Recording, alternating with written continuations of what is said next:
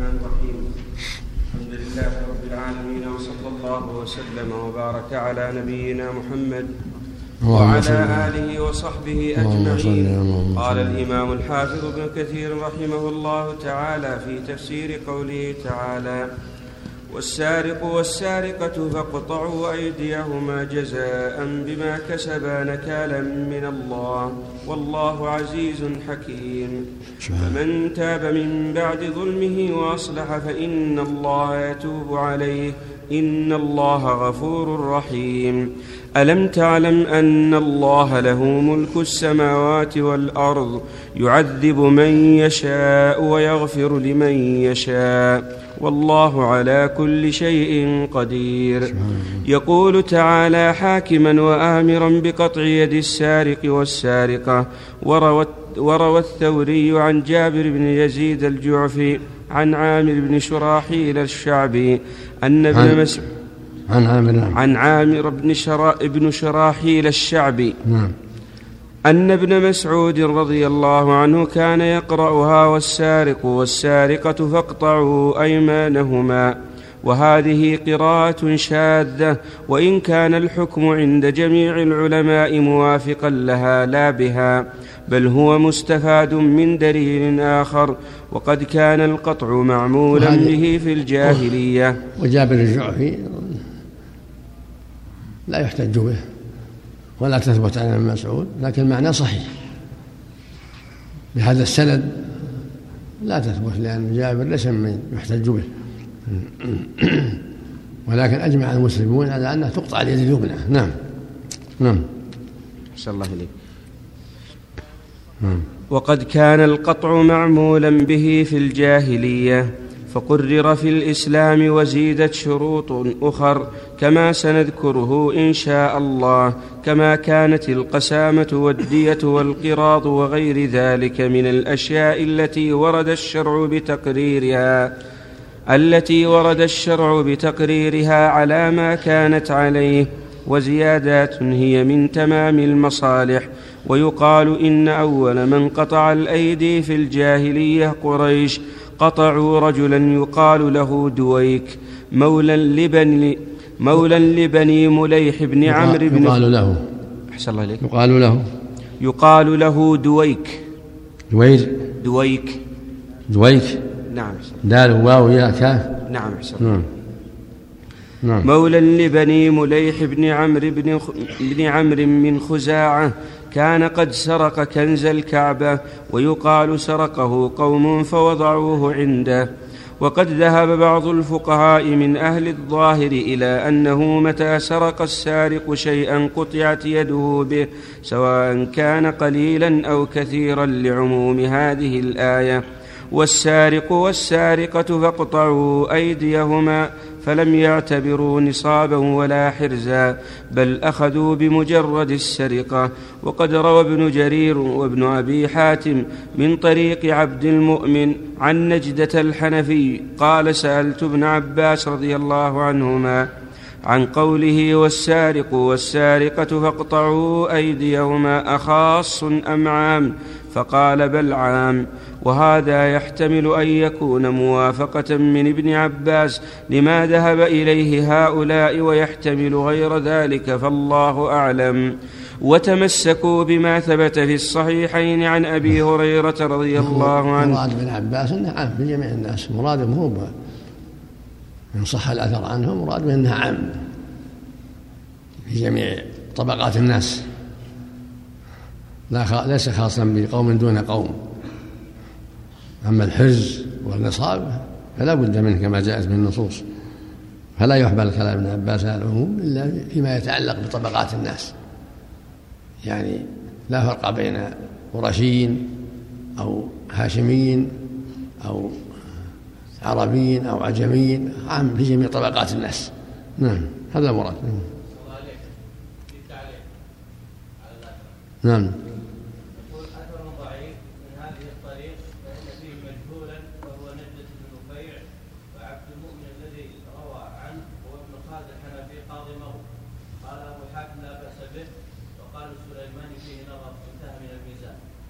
على كل صح ولا ما صح؟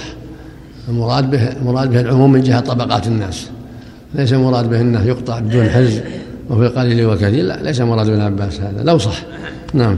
أحسن الله وقد يحتمل أن يكون موافقة من ابن عباس لما ذهب إليه هؤلاء ويحتمل غير ذلك فالله أعلم. وتمسكوا بما ثبت في الصحيحين عن أبي هريرة رضي الله عنه أن رسول الله صلى الله عليه وسلم قال لعن الله السارق يسرق البيضة فتقطع يده ويسرق الحبل فتقطع يده وأما الجمهور فاعتبروا النصاب في السرقة وإن كان قد وقع بينهم الخلاف في قدره فذهب كل من الأئمة الأربعة إلى قول على حدة. فعند الإمام مالك بن أنس رحمه الله النصاب ثلاثة دراهم مضروبة خالصة. فمتى سرقها أو ما يبلغ ثمنها فما فوقها وجب القطع واحتج في ذلك بما رواه بما رواه عن نافع عن ابن عمر رضي الله عنهما أن رسول الله صلى الله عليه وسلم قطع في مجن ثمنه ثلاثة دراهم أخرجاه في الصحيحين. قال مالك رحمه الله وقطع عثمان رضي الله عنه في أترجة فقومت بثلاثة دراهم وهو أحب ما سمعت في ذلك. وهذا وهو وهو أحب ما سمعت في ذلك. نعم. وهذا الأثر عن عثمان رضي الله عنه. قد رواه مالك عن عبد الله بن أبي بكر عن أبيه عن عمرة بنت عبد الرحمن أن سارقا سرق في زمن عثمان ترجة فأمر بها عثمان رضي الله عنه أن تقوم فقومت بثلاثة دراهم من صرف اثني عشر درهما بدينار فقطع عثمان رضي الله عنه يده.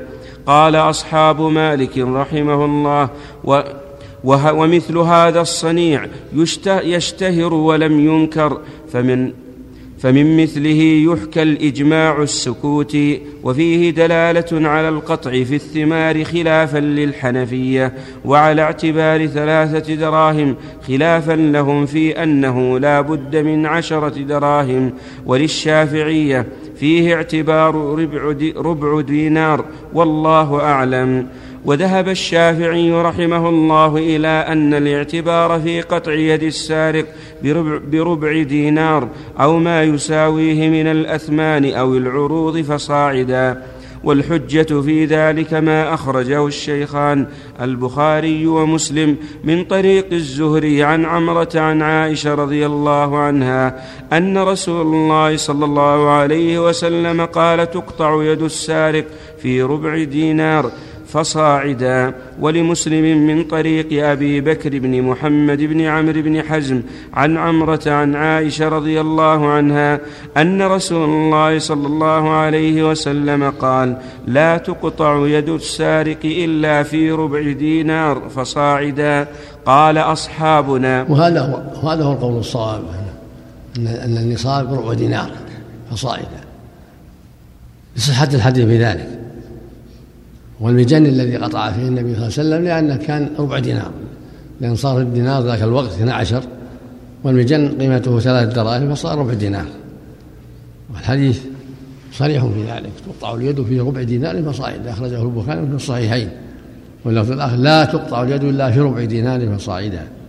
وهذا هو أرجح الأقوال في هذا في النصاب وأن نصاب السرقة ربع دينار. وربع الدينار اليوم سبع جنيه اليوم. سبع جنيه السعودي ربع دينار. لأن الجنيه السعودي ديناران إلا ربع. الجنيه السعودي اليوم المعروف ديناران إلا إلا ربع. فإذا كان دينار اليوم يسوى سبعين ريال صار النصاب عشرة عشرة ربع دينار. لأنها سبع الجنيه السعودي وسبعه هو ربع الدينار. وإذا صار الجنيه يساوي مئة وأربعين صار ربع الدينار عشرين درهم وهكذا. لأن هذا الجنيه الموجود ديناران إلا ربع. نعم. أحسن الله إليك.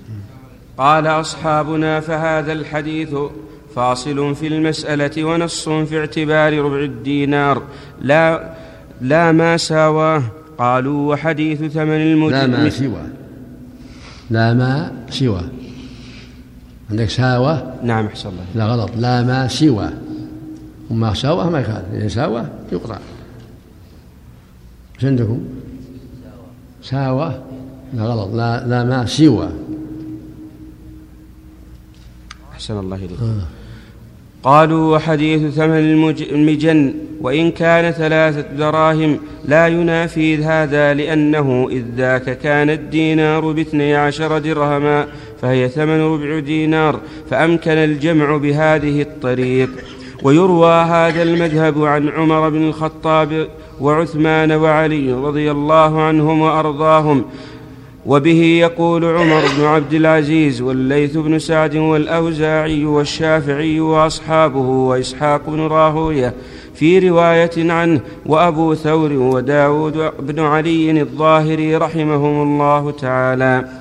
وذهب الإمام أحمد بن حنبل وإسحاق بن راهوية في رواية عنه إلى أن, إلى أن كل واحد من ربع الدينار والثلاثة دراهم مرد شرعي فمن سرق واحدا منهما أو ما يساويه قطع عملا بحديث ابن عمر وبحديث عائشة رضي الله عنهما ووقع في لفظ عند الإمام أحمد عن عائشة رضي الله عنها أن رسول الله صلى الله عليه وسلم قال اقطعوا في ربع دينار ولا تقطعوا فيما هو أدنى من ذلك وكان ربع الدينار يومئذ ثلاثة دراهم والدينار اثني عشر درهما وفي لفظ للنساء لا تقطع يد السارق فيما دون ثمن المجن. قيل لعائشة ما ثمن المجن؟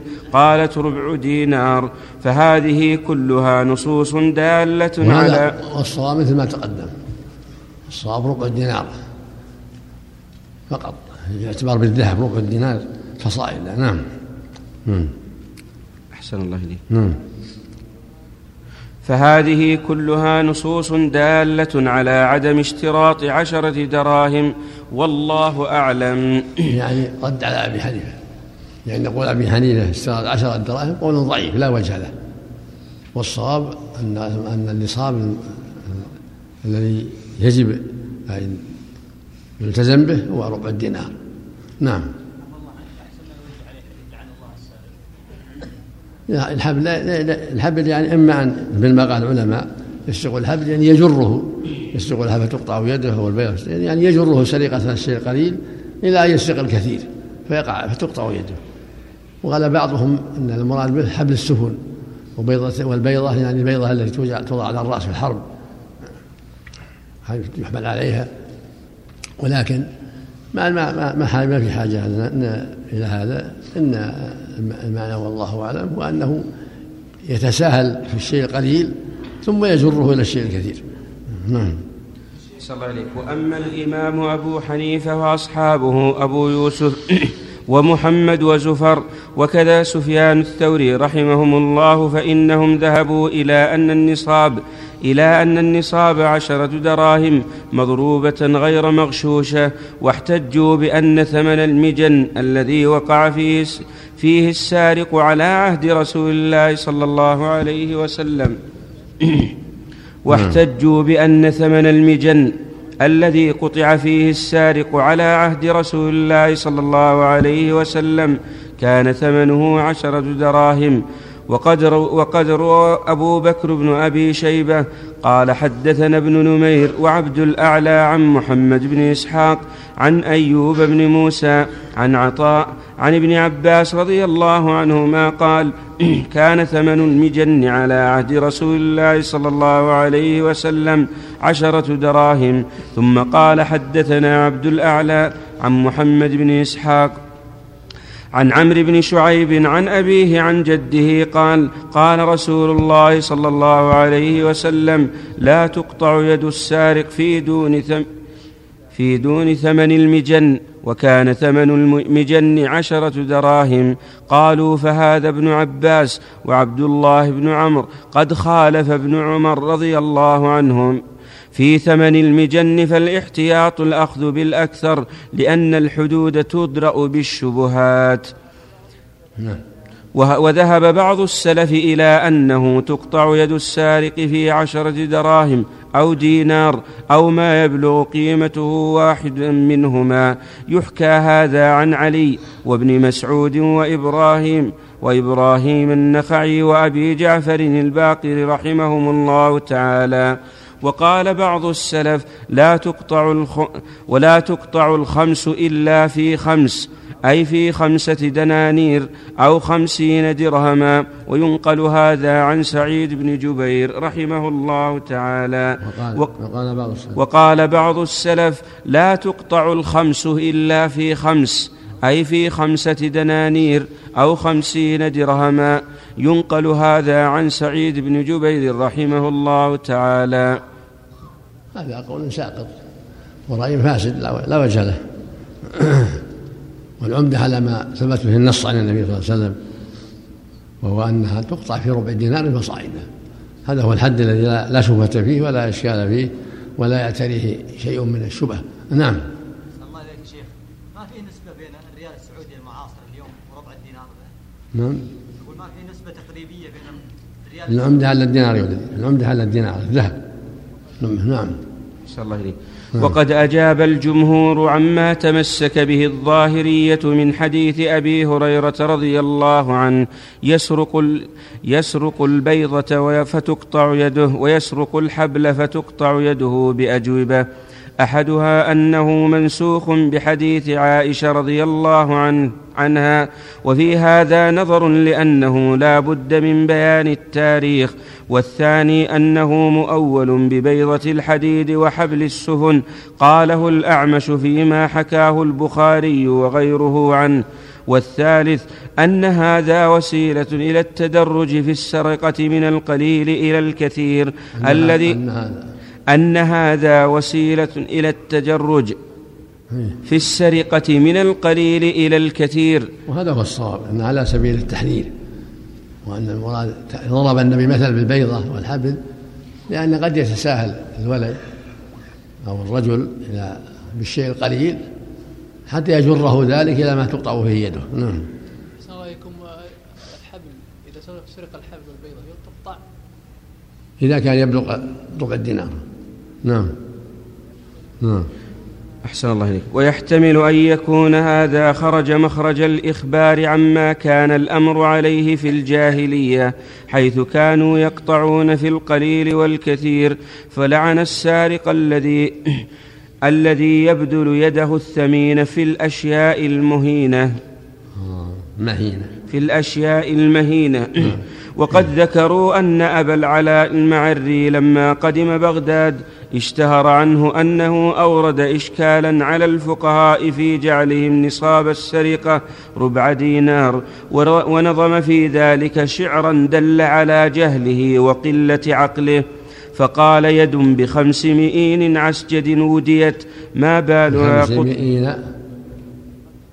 يد في يد بخمسمائين عسجد وديت ما بالها قطعت في ربع دينار. تناقض ما لنا إلا السكوت له وأن نعوذ بمولانا من النار. الحيل على المعارف والحد لا لا لا يلتفت إليه. الله جل وعلا هو الحكم والعدل وهو الحكيم في عباده جل وعلا وأموال الناس لها حرمتها ولها قيمتها وإذا تسهل مع السراق أخذت أموال الناس. فمن رحمة الله شرع قطع السرقة. صيانة لأموال الناس واحتراما لها. والغالب على السراق لا يرضوا بالقليل يسرقون الشيء الكثير. فجعل الله النصاب هذا المقدار سدا لذريعة التساهل بالسرقة. نعم. ولما قال ذلك واشتهر عنه تطلبه الفقهاء فهرب منهم وقد أجاب الناس في ذلك فكان جواب القاضي عبد الوهاب المالكي رحمه الله. أنه قال لما كانت أمينة كانت ثمينة فلما خانت هانت. ومنهم من قال هذا صحيح. لما كانت أمينة كانت ثمينة. لما كانت سليمة من الخيانة كانت ثمينة. فلما خانت هانت. لما خانت الأمر الشرعي هانت على الله وعلى عباده. نعم. أحسن الله إليك. ومنهم من قال هذا من تمام الحكمة والمصلحة وأسرار الشريعة العظيمة فإنه في باب الجنايات ناسب أن تعظم قيمة اليد بخمسمائة دينار لئلا يجنى عليها وفي باب السرقة ناسب أن يكون القدر الذي تقطع فيه ربع دينار, ربع دينار لئلا يتسارع الناس في سرقة الأموال. فهذا هو عين الحكمة عند ذوي الألباب. ولهذا قال جزاء بما كسبا نكالا من الله والله عزيز حكيم. أي مجازاة على صنيعهما السيء في أخذهم أموال الناس بأيديهم. فناسب أن يقطع ما, ما استعانا به في ذلك نكالا من الله أي تنكيلا من الله بهما على ارتكاب ذلك. والله عزيز أي في انتقامه حكيم أي في أمره ونهيه وشرعه وقدره. ثم قال تعالى فمن تاب من بعد ذلك وأصلح فإن الله يتوب عليه. إن الله فمن تاب. فمن تاب من بعد ظلمه وأصلح فإن الله يتوب عليه إن الله غفور رحيم. أي ومن أي من تاب بعد سرقته وأناب إلى الله فإن الله يتوب عليه فيما بينه وبينه. فأما أموال الناس فلا بد من ردها إليهم أو بدلها عند الجمهور. وقال أبو حنيفة متى قطع وقد تلفت في يده فإنه لا يرد بدلها. وقد روى وقد روى الحافظ أبو الحسن الدار قطني. من تاب. سم. سم. قبل الآية نعم أحسن الله إليكم. المعاون للسارق سواء آخذ المال أم لم يأخذ نعم المعاون للسارق أحسن الله إليك سواء كان آخذا للمال معاونا له في الأخذ أم لم يأخذ لكن عاون في الترصد أو نحوه هذا محل نظر إنما هذا في قطاع الطريق الردء يعتبر في قطاع الطريق. أما في السرقة فهو الذي باشر السرقة. نعم. أحسن الله إليك. قول أبي العلاء المعري يكفي هذا وحده لكفره وردته؟ نعم. قول أبي العلاء المعري يكفي هذا القول وحده لكفره وردته؟ نعم نعم شيخ. هذا اعتراض على الله. نعم. أحسن الله إليك. نعم. معناه تناقض نسب الله إلى التناقض. نعم. نسأل الله. نعم. ساعد على القتل. سم من ساعد على القتل. قتل إيش؟ قتل النفس. إذا شارك في القتل شارك مشاركة. إذا شارك ضربوا بالسيف جميعا أو هذا ضرب بالسيف وهذا ضرب بالخنجر وهكذا. هذا يقتلون جميعا. أما مجرد الكلام والمباشرة فالذي يقتل مباشر. لا من مسك الضحية يا شيخ والآخر أجهز عليه. هذا جاء في الحديث. الممسك يمسك حتى يموت. وقال الجماعة يقتل. وجاء في الحديث يقتل القاتل ويحبس الذي أمسك حتى يموت. يسجن إلى أن يموت. نسأل الله. نعم.